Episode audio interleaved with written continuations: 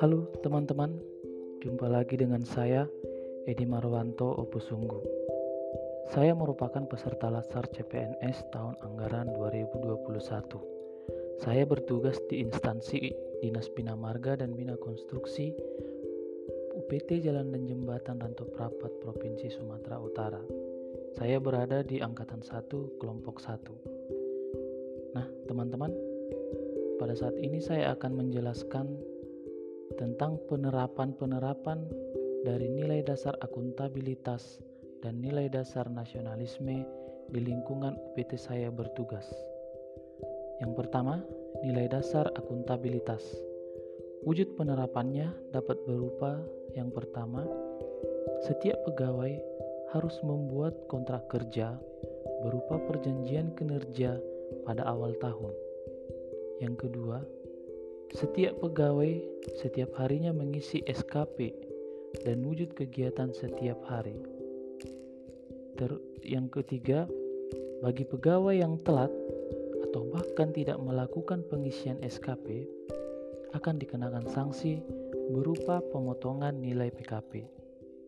Yang keempat, setiap pegawai harus melakukan absensi online sesuai dengan jadwal yang ditentukan. Yang kelima, di dalam melaksanakan tugas luar harus melampirkan bukti yang autentik. Yang keenam, setiap diadakannya rapat, pegawai diwajibkan hadir tepat pada waktunya. Yang ketujuh, meminta atasan langsung mengevaluasi dari uraian kegiatan yang saya lakukan setiap bulannya. Nilai dasar yang kedua yaitu nilai dasar nasionalisme. Wujud penerapannya dapat berupa yang pertama, pegawai berhak melaksanakan ibadah sesuai agama dan kepercayaan yang dianutnya.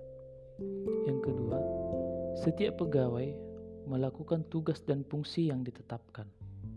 Yang ketiga, adanya saling menghargai antar umat beragama. Contohnya, ketika saudara umat Muslim menjalankan puasanya, umat non-Muslim tidak melakukan aktivitas makan maupun minum di lingkungan instansi. Yang keempat, menjenguk rekan pegawai yang sedang sakit dan memberikan santunan sesuai dengan kesepakatan bersama.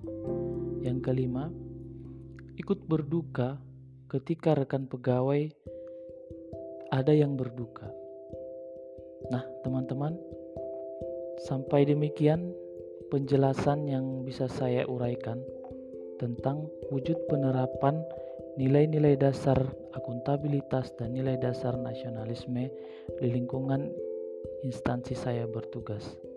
Mohon maaf apabila ada kata-kata yang salah. Sekian dan terima kasih.